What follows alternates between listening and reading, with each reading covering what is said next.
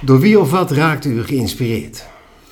Ehm, ik denk door de scouting, uh, de scoutinggedachte van Lord Baden-Powell. En wanneer was dat? Ik denk dat dat was toen ik uh, scout was en toen was ik dus elf jaar. Wat was het waardoor je gepassioneerd raakte? Het feit dat je samen met anderen iets kan gaan doen om de maatschappij net even iets beter te maken en waardoor je ook veel makkelijker de maatschappij in kan wandelen.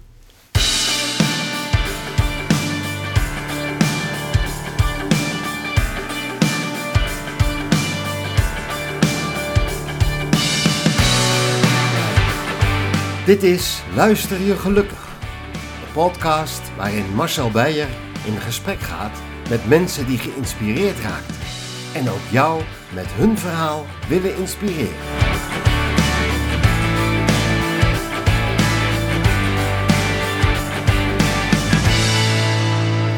Oké, we zitten hier met Erik de Haan. En Erik de Haan, uh, ja, ik heb al veel bijzondere mensen in dit programma gehad, maar Erik de Haan is, is eigenlijk wel heel erg bijzonder. Want uh, nou, laten we met scouting beginnen, Erik. Want dat, dat, daar ligt je passie, hè? Ja. Hoe, ja. ja je zegt Baden Powell, dat is natuurlijk bekend, maar dat, dat is formeel, dat is op papier. Maar wat is het in de scouting? Want je zit er 50 jaar bij of zo? Ja, ik, zit, ik ben nu 52 jaar lid van scouting. 52? En ik ben, uh, ben begonnen toen ik uh, acht was. Ik denk dat toen de tijd uh, de ADHD en zo nog niet bestond. Dus Nee. werd er gezegd, als je druk bent, ga maar naar de scouting. Dat moest van je ouders of van Ja, in overleg met. Ja, Dus eh, ik heb daar ontzettend veel eh, plezier beleefd en, en eh, dingen ervaren en ook gezien. En eh, op een gegeven moment zie je dus gewoon het concept dat dat zo eh, eh, past. Er zit geen eh, teamsportdwang achter, dat je moet presteren. Ehm, je helpt elkaar. Als de een goed kan knopen, dan houdt de ander de balk vast, zeg maar. En ehm, dat is een, een heel simpel eh, iets, maar dat geeft wel aan hoe je het met elkaar doet. Ja. En in de loop der jaren ben je gewoon ook eh, ehm, zo betrokken bij allerlei andere aspecten van scouting. Eh, ik heb eh, een tijdje ben ik voorzitter geweest van het beheerteam van een heel groot scoutingterrein in Ommen. Ehm, en dan ga je nadenken van hoe ga je zo'n terrein inrichten. En dan heb je de een is helemaal into de bomen en de ander is helemaal into de toiletgebouwen. En zo ga je met elkaar, daarom is het ook een beheerteam, ga je kijken van wie heeft welke kwaliteit en hoe kunnen we de taart compleet maken. Dat ieder zijn eigen stukje inlevert. En dat is eigenlijk een beetje, als je heel ruim kijkt, het principe ook van scouting. Je helpt elkaar, iedereen heeft bepaalde vaardigheden, iedereen heeft bepaalde uh, uh, dingen die hij niet zo goed beheerst. Dan ga je dat met elkaar oplossen. Ja. En uh, dat heeft me erg geïnspireerd in de scoutinggedachte. Ja, want, want, want dat, dat, dat, samenwerken gaat het dan om, hè? Ja, en, en ook het feit dat je fouten mag maken en dat je dus niet mee hoeft te doen in een hele dikke uh, teamspirit, Ja. zeg maar. Nou kan ik me, we zijn ongeveer even oud, hebben we net geconstateerd. Um, nou, nou weet ik uit mijn jeugd dat, dat scouting werd ook wel een beetje gezien als de hele brave kindjes, hè? Als je stoer was, ging je Ja, maar dat zijn we natuurlijk ook. Ik ben een heel braaf kindje. Heel braaf kindje, Van, ja, uh, ja. van 60. Ja. Nee, maar het is... Het, het, um, uh, ik, ik denk dat er tot op de dag van vandaag een heel gek beeld hangt van scouting. Vertel. En um, je ziet ook dat scouting nu is heel anders dan toen ik begon.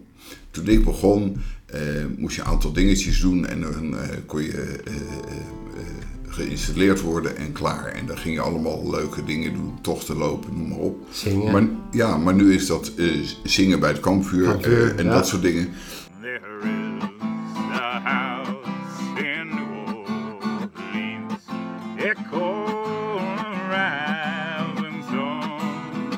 Maar nu zie je dus eigenlijk dat het, het, uh, de activiteiten van scouting steeds meer gaan naar outdoor activiteiten. Dus je gaat meer hiken, GPS'en. Dus je ziet dat de middelen die nu voorhanden zijn, worden veel meer gebruikt en ingepast in het oude scouting gebeuren. Ja, ja, ja. En um, dat geeft zoveel mogelijkheden. Dat als je kijkt naar een, eh, een, een, een jamboree on the air, hè, dan ga je met centamateurs kijken of je contact kan leggen. Nou, voorheen was dat gewoon, eh, eh, kijk maar een zendamateur en kijk maar of je iets kan bereiken. Maar nu worden er zulke torens gebouwd en, en systemen opgebouwd dat je ook via internet eh, kan praten met scouts in Australië. Ja. ja. Eh, en dat je dus niet meer van, eh, van 9 tot 5 dat gaat proberen, maar dat het een heel weekend is, zodat je de tijdzones ook kan overbruggen. Precies. Dus wat, wat je eigenlijk vroeger had, hè, wat je eigenlijk zelf zei van in overleg moest jij op scouting, maar dat was misschien wel goed voor je. Ja. Is dat eigenlijk geëvolueerd in een, in een andere, bredere organisatie? Dus Ja, nou ja, zo- goed. En, en, en je, je hebt de mogelijkheid gehad om je zo breed te oriënteren dat je op een gegeven moment zelfs naar de wereldjamborees kan in Zweden en in, in, eh, eh, in Japan. En ik heb op een gegeven moment ben ik zelfs eh, bij het Emergency Management Team gekomen van, eh, eh, van Japan. Ook vanuit het werk bij de ambulance dienst. En ben ik zes keer naar Japan geweest voor vergaderingen en dingen. En ik heb die mogelijkheid, hè, dat is een voorrecht dat ik die mogelijkheid heb Ja. om daar naartoe te gaan. Ja. Maar het geeft wel aan dat je dan zo ontzettend breed in scouting zit ineens. Met mensen uit Amerika, uit Australië. ehm, dat je met elkaar het scoutingvirus hebt waar je nooit meer vanaf komt. Ja. Het is eigenlijk de wereld in het klein. Ja, Ja.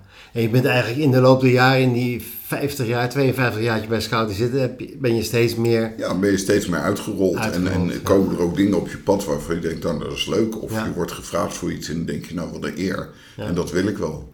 Heb je toen ook ontdekt dat je, wat je karaktereigenschappen waren, waar je goed in was en waar je niet goed in was? Ja, ik heb een, eh, er is een eh, cursus bij scouting, dat heet de Gilwell training. En dat is puur een individuele training, daar ga je naartoe. En dan ga je dus met elkaar kijken hoe je in de groep zit. Oké. En een van de dingen is dat ik heel veel dingen graag eh, zelf wil doen. Zelf ook oppak. Ehm, en daar bleek eigenlijk uit van... ehm, het is leuk dat je, dat je enthousiast bent... maar je ontneemt misschien anderen ook de mogelijkheid om iets te doen. Oké. En toen heb ik daarover nagedacht. En toen dacht ik, ja, weet je, dan, eh, dan moet ik daar dus eens iets mee doen. Ja. Dus ik heb toen op een gegeven moment gezegd, ik zeg, wie pakt dat op? Ja, dat pak ik wel op. Nou, prima, dus niks gedaan. Uiteindelijk gebeurt er dus niks. Eh, omdat diegenen denken van, nou, Erik die pakt het straks vanzelf wel op. Ja. Maar toen heb ik het bewust laten liggen. Dus niemand heeft iets gedaan. En toen was het ineens van hun zo van, jij pakt het altijd op. Ja, maar ik heb nu geleerd dat ik niet alles naar mezelf toe moet trekken, maar ook iets mo- moet laten liggen Ja. voor een ander. Ja. Want dan hebben jullie ook de kans. Oh ja, maar dat is leuk. En dan zie je dus dat, dat je een hele andere sfeer creëert dan dat je eigenlijk ook voor ogen had. Het was, was nooit mijn bedoeling om dingen weg te pakken. Nee, Maar het, het wordt wel zo ervaren. Maar je hebt ook je sterke kanten ontdekt. Jazeker. Nou ja, het, het feit dat je gewoon, eh, als je ergens eh, iets accepteert, dat je er ook voor wil gaan. Ja. Voor de volle 600 procent. Ja, maar dat is ook wel iets, want we gaan straks over die andere dingen die je doet hebben. Maar dat is wel iets dat jou kenmerkt. Hè? Je pakt eigenlijk van alles plukje wat je tegenkomt. Ja, ik moet niet stilzitten. Als ik stilzit, dan eh, val ik om, denk ik. Ja. Dus dat, dat Ja. moeten we niet doen. Nee. Maar het is wel. ehm, eh, ja, sommige dingen komen op je pad. En dan ga je erover nadenken. En dan denk je: heb ik daar tijd voor? En als ik er tijd voor heb, kan ik het dan ook voor langere termijn. Dus niet voor een weekje, maar kan ik het echt voor een langere termijn doen. Ja. En kan ik het dan ook zo doen dat de uitkomst naar ieders wens is. Ehm, dus ja, dan, dan pak ik dingen op. Want Erik, want dat, dat is het scoutingdeel. Maar eigenlijk het, een- een- het meest frappante deel is natuurlijk dat je consul bent. Hè? Ja, honorair consul. Honorair consul. Wat, wat is dat? Honorair consul is eigenlijk een, eh, een erebaan. Eh, in dit geval ben ik gevraagd door de toenmalige ambassadeur van de Republiek Malta in Nederland. Of ik honorair consul wilde worden voor de Republiek Malta en het Koninkrijk der Nederlanders, zoals het dan netjes heet. Maar, maar wacht even, die consul zal het mij niet vragen. Waar, waarom komt hij bij jou? Nou ja, die, die ambassadeur die eh, heeft het mij gevraagd omdat ik eh, eh, vaak op Malta op vakantie was geweest. Eh, daar contacten heb eh, eh, opgedaan. In 1998 is er een politieteam van Malta in Den Haag geweest. Bij de 50-jarig bestaan van de IPA Haaglanden. De, ehm. Dus zo zijn er heel veel momenten geweest. Ook toen zij lid werden van de Europese Unie en dus een ambassade in Den Haag moesten gaan Ah, regelen. Ja. Heb ik daar wat, wat ondersteunende dingen, niks bijzonders, maar wat ondersteunende dingen bij gedaan. En vervolgens gaat dus zo'n ehm, eh, ambassade kijken van wie kunnen wij vragen die affiniteit heeft met het land, in dit geval Malta, maar ook een eh, redelijk netwerk heeft in het, eh, in het land, eh, in het gastland. En zo zijn ze bij mij gekomen en Ja. heb ik die vraag gekregen, wat een hele grote eer is natuurlijk, maar Ja, wel ja, ehm, eh, niet geheel vrijblijvend is. Want waar lag jouw band met Malta? Hoe, waarom, waarom had je daar een band mee? Nou ja, wat ik al zei, omdat we daar veel op vakantie zijn geweest. En het is gewoon een prachtig land. Het is echt eh, een, eh, nog niet zo, toen der tijd zeker, nog niet zo'n ontdekt land als, eh, als nu. Nee, nee, nee. Want, want ehm, het, het, het, het hoort niet bij Italië, geloof ik. Ik dacht dat het bij Italië hoorde, maar dat is een hele grote Ja, fout. nee, dat is, een hele, dat is een fout die vaker wordt Sorry, gemaakt. ja. Ze, ze kiezen tussen Italië en Spanje. Nee, Malta is een eigen republiek met een eigen president. En eh, heeft wel veel Britse invloeden, omdat het een eh Commonwealth land is. Oh. Ehm, en het heeft eh, 21 september, dat was eh, gisteren, Ja. de eh, onafhankelijkheid gekregen in 1964.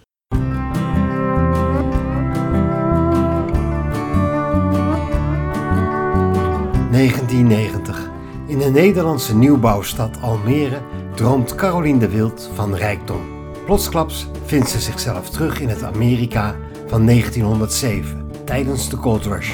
Wie is ze? Waar hoort ze thuis? Gouden Bergen, de nieuwe, meeslepende roman van Marcel Beijer. Verkrijgbaar bij elke boekhandel. Oké, dus, dus je, je, je spreekt dan ook vloeiend Maltese, neem ik aan? Als dat een taal is? Als ik hallo mag zeggen, is het vloeiend, maar daarna houdt het op. Nee, ik heb Maltese les gehad. eh, en na tien lessen ben ik afgehaakt. Ja. Eh, enerzijds omdat het gewoon niet te doen is. Het is een, een, een Arabische taal met eh, Itali- Italiaanse tongslag en eh, Engelse woorden. En het is een, een, eh, een mengelmoesje. Ja.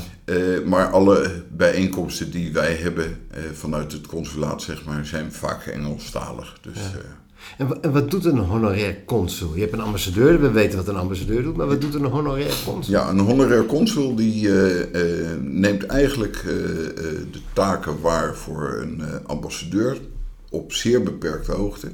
Ehm, ik ben aanspreekpunt voor de Maltesers in het gebied wat ik heb. Ik heb eh, de zes noordelijke provincies, Friesland, Groningen, Drenthe, Overijssel, Gelderland en Flevoland. Ehm, dus als een Maltees daar een, eh, een vraag heeft, en dat kan zijn het eh, afgeven van een geboortecertificaat of het verlengen van een paspoort, dan kunnen ze voor de administratie bij mij terecht. Dat moeten, formulieren moeten getekend worden in aanwezigheid van een vertegenwoordiger van het land. Ja. Eh, en verder voor de biometrie, vingerafdruk en dat soort dingen moeten ze naar de ambassade in Den Haag. Eh, maar soms heb je ook eh, mensen die in aanraking komen met justitie of in, het, in een ziekenhuis belanden. En ja, dan kunnen ze om consulaire bijstand vragen. ja. Is dat een dagtaak? Of, of, of?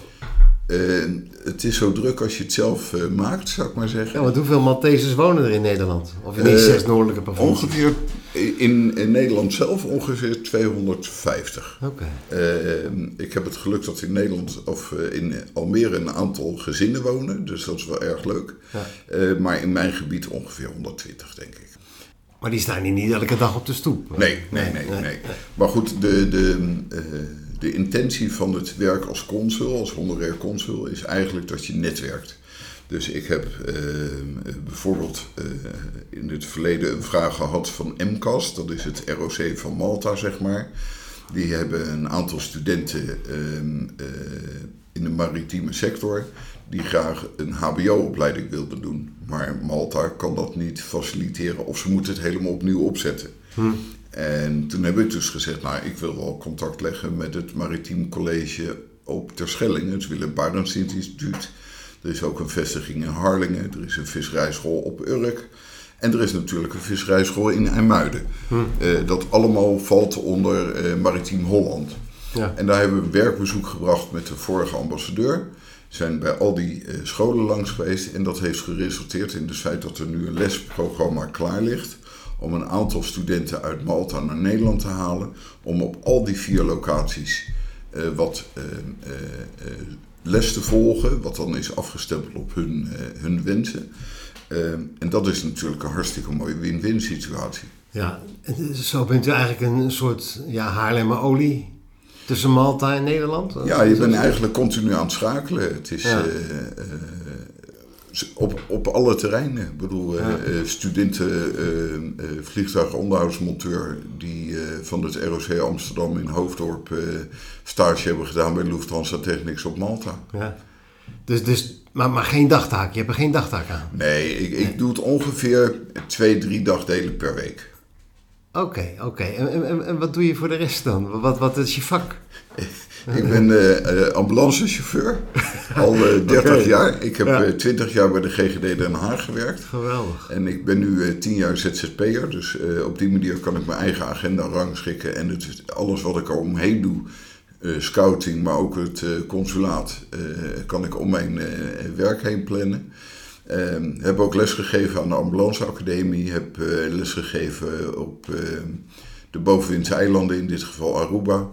Dus het is erg leuk, ja. Dat is eh, Maar, maar, maar, drie mooie passies bij elkaar. Ja, zeg maar. mooie- Maar begrijp je dat een gewone sterveling daar niet aankomt? ehm, en, en dan ook nog in die combinatie? Ja, de combinatie is uniek. Ik bedoel, ehm, eh, over het algemeen, als ik zie om mij heen honorair consuls, die hebben allemaal grote holdingen gehad en internationale bedrijven. En eh, Oké, ja, ja, ja. ja. nou, dan zeg ik altijd maar, ik heb geen grote holding gehad, maar wel een wereldwijd netwerk. En we noemen het scouting, ja. hè, want dat Ja, zit over de hele wereld. Zeker. En ehm, ja, het, het ambulancewerk is gewoon prachtig, maar het is natuurlijk erg apart dat je een ambulancechauffeur hebt met een diplomatieke kaart. Dat, is- dat is echt heel apart, ja. Dat, ook omdat er een hele andere emotie is. Je- Als ambulancebroeder, hè, moet je het zo noemen, ja. Dat maakt natuurlijk hele heftige dingen mee. Ja, maar ehm, eh, ook dat doe je met elkaar en dat eh, eh, bespreek je met elkaar. Ehm, en ik denk dat als je het al 30 jaar doet, dan kan je dat wel handelen. Ja. En ehm, eh, laten we eerlijk zijn, er zijn geen plekjes. Je kan niks op een plekje zetten. Je moet iets met je meedragen. Wat bedoel je En- ermee? Je hebt geen plek. Nou, vaak zeggen mensen, je moet het een plekje geven. Dan denk ik, nou, als je Oh. weet waar het plekje is, dan moet je het me zeggen. Maar die Ah, zijn ja, er niet. Ja, ja. Hè, ehm, eh, mensen dragen gewoon dingen mee en Hmm. ieder huisje heeft zijn kruisje. Ehm, Ja, dus, eh, eh, maar met name binnen de ambulancesector. En als ik dan kijk naar de afgelopen 30 jaar. Toen ik begon, toen zei ze ja, het hoort er allemaal bij. En nu zegt men van nou, het is wel handig om voordat je naar huis gaat nog even een kop koffie met elkaar te drinken. En even te evalueren wat we nou eigenlijk weer vandaag op ons bordje hebben gehad. Maar kan, kan, je, kan je eigenlijk bij wijze van spreken zo uit de ambulance stappen en hier achter je bureau kruipen en je consulwerk doen? Nou ja, ik ik heb wel afspraken gemaakt dat stel dat. Hè, dus er kan altijd een situatie ontstaan waarop er acuut gehandeld moet worden. Ja, dan moet je wel een gepast moment eh, vinden om van die auto af te stappen. Je kan Ja. niet eh, halverwege de sleutel eruit draaien en zeggen ik ga nu weg. Nee. Eh, maar die mogelijkheden zijn er, maar die zijn nog niet geweest. Ja. Waar zit jouw geluk? Waar zit mijn geluk? Mijn geluk zit in het feit dat ik heerlijk kan doen wat ik wil, ongedwongen. En ehm, dat ik zowel vanuit scoutingvisie, zeg maar, kinderen gewoon zie doen wat ze anders nooit doen. Ehm, bij de eh, Cornelis Lely groep in, eh, in Almere Haven eh, liggen mijn roots. Daar ben ik ook nog steeds wel lid van de Methuselem-stam. Dat zijn de ouwetjes. Maar daar hebben we ooit de speltak de Pelikanen opgericht, samen met eh, Ineke Vlaar. Ehm, en dat is een speltak voor jongeren en kinderen met een verstandelijke beperking. Ah, En ik weet nog heel goed dat de eerste keer hebben we eh, bij de Doe- en Kijkdag op de Kempaan... zijn we gaan kano varen met die kinderen. ja. Nou, niks is makkelijker dan dat. Je zet twee mensen in een kano en je zet er een kind tussen. Maar de reactie van de ouders aan het einde van de middag toen ze kwamen halen. En er werd gevraagd, wat hebben jullie gedaan? En kinderen zeggen daar dus met het syndroom van Down, ik heb gekanood. Dat je ouders dan ziet van, hoezo kanoën? Hij kan niet eens zwemmen. Ja, maar met kanoën moet je niet in het water vallen. Maar dat is dus echt zo'n scouting idee van, weet je, we gaan grenzen verleggen. En die kinderen, die glimlach, kan ik nog zo voor mijn neus toveren. En dan denk ik, dat is, dat is het mooiste wat er is. Dus daar, daar zit het geluk bij de scouting. En waar zit die bij je ambulancewerk? Nou, dat je, dat je zorg kan verlenen voor een ieder die een zorgvraag heeft. En of dat nou iemand is die ehm, eh, een eh, zwaar verkeersongeval heeft, of iemand die eh, eh, uitbehandeld is en naar een hospice gaat, dan is het prachtig om aan de betroffene persoon te vragen van, zou we nog ergens langs willen?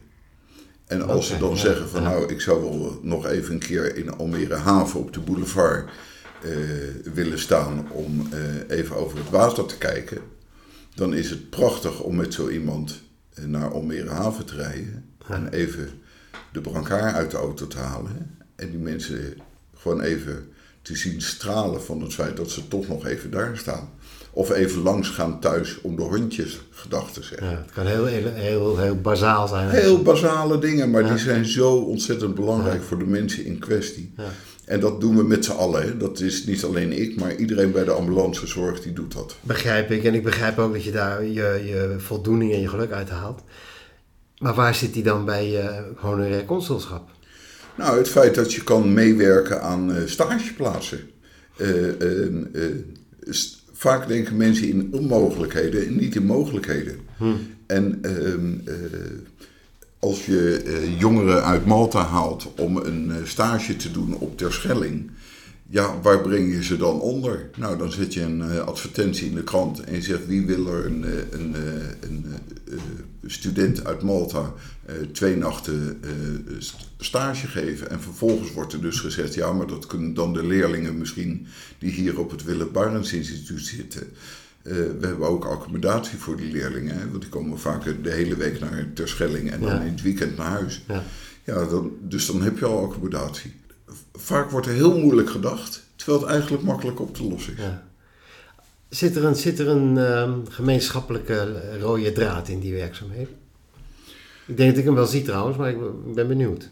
Nou, ik ben benieuwd of het dan dezelfde is. Ja, dat ben ik ook heel benieuwd. Nee, het, het, het, geen, ik denk de rode draad is het feit dat je iets moet doen of iets wil doen om een ander te pleasen en eh, eh, dingen mogelijk te maken voor die persoon. Ja, En dat ik daar de tijd en de mogelijkheden voor heb om dat ook daadwerkelijk te doen, is een, is een voorrecht. Is een privilege waar ik niks aan kan doen, maar wat gewoon wel eh, van huis uit is meegegeven. Van je bent niet een eenling op deze bol, je moet het met elkaar doen. Eh, en doe het dan op de manier waarop jij er plezier aan beleeft. ja mooi. Ja, wat, wat ik met name zie in, in, als rode draad is dat ik een soort netwerk, een pur sang vorm. Iemand die mensen, partijen bij elkaar wil brengen. Iemand die, Ja, die, die, Ja. die gemeenschappelijke factor daarin ziet. Ja. Ja. nee, dat klopt. Is er een politicus aan jou verloren gegaan? Ehm, ik, heb, eh, of ik ben heel lang lid geweest van de VVD. Oh. Ik heb allerlei masterclasses gevolgd bij de VVD. Ja. Ik heb eh, van 2010 tot 2014 eh, ben ik naar alle politieke markten geweest eh, in eh, Almere, omdat ik op de kandidatenlijst wilde voor 2014. Daar ben ik uiteindelijk op een niet verkiesbare plek gekomen. Ehm, en ja, ik, ik had daar best ambities. Maar goed, toen kwam dit op mijn pad eh, als honorair consul. Ja, en daar beleef ik zoveel plezier aan. Ehm, wat wel heeft geresulteerd in het feit dat ik mijn lidmaatschap wel heb beëindigd. Ja. Omdat ik vind dat je als honorair consul moet je niet politiek gebonden zijn. Oké, waarmee dus een streep door de politieke ambities werden gezet. Ja, Ja. Dus je bent ambulancemedewerker, je bent eh, bij de scouting en je bent eh, honorair consul. Als, als ik nou een geweer op je slaap zou zetten en je, en je, en je zou moeten kiezen. Je mag, mag nog één ding doen. Wat maakt je het gelukkigst? nog één ding erbij of eh, Oh, er moet er één af? Oh, dat, dat is wel het antwoord dat ik jij ook kan verwachten. Ja. Je nog, nog iets erbij doen, ja. Ja. Nee, ik, eh, ehm, eh, samen met een aantal eh, eh, vrienden zijn we druk bezig om te kijken of we een ehm, eh, hospice kunnen gaan opzetten voor jongeren tot 21 jaar. Oh, wauw. En eh, we hopen dat we dat in Almere een omgeving kunnen gaan realiseren. En ehm, begin volgend jaar hebben we de vergevorderde plannen rond. We hebben nu een aantal eh, gesprekken, we hebben een aantal intenties. En daar zijn we druk mee bezig, dus we komen iedere maand bij elkaar Maar ehm, dat zou ik nog willen realiseren. Poeh, dat lijkt me heel heftig. Ja, maar goed, het, eh, het, het, ehm, eh, bij een hospice denkt men vaak aan de, aan de oudere mensen. Ehm, maar we hebben Ja. eh, ook een, een, een club eronder, die, die ook net zoveel rechten heeft op. En daarbij denk ik ook aan bijvoorbeeld kinderen of jongeren die door omstandigheden bijvoorbeeld in een coma raken. Die uiteindelijk wel naar eh, huis kunnen om daar verzorgd te worden, maar dan moet het huis nog worden aangepast. Ja. Eh, om die een tussenplek te geven, bijvoorbeeld in dat hospice. Eh, dat lijkt ons hartstikke mooi. Maar, maar een keuze, want dat, ik probeer die een beetje te pesten. Een, een- keuze tussen die drie dingen die je nu doet. Nou, ik heb wel gezegd van ik ben nu eh, eh, 60. Ik heb nog een project lopen bij de scouting voor eh, eh, 2022. En ehm, eh, 2023 is de Wereld Jamboree in Zuid-Korea. Daar eh, zou ik me ook nog eh, op willen richten. En dan ga ik het scoutingleven een beetje achteroverleunen bij het kampvuur. En genieten van de Ja. herinnering die, Ja. die ik heb gemaakt. Ja, we blijven wel zingen rond het kampvuur, toch? Dat zeker. Ja.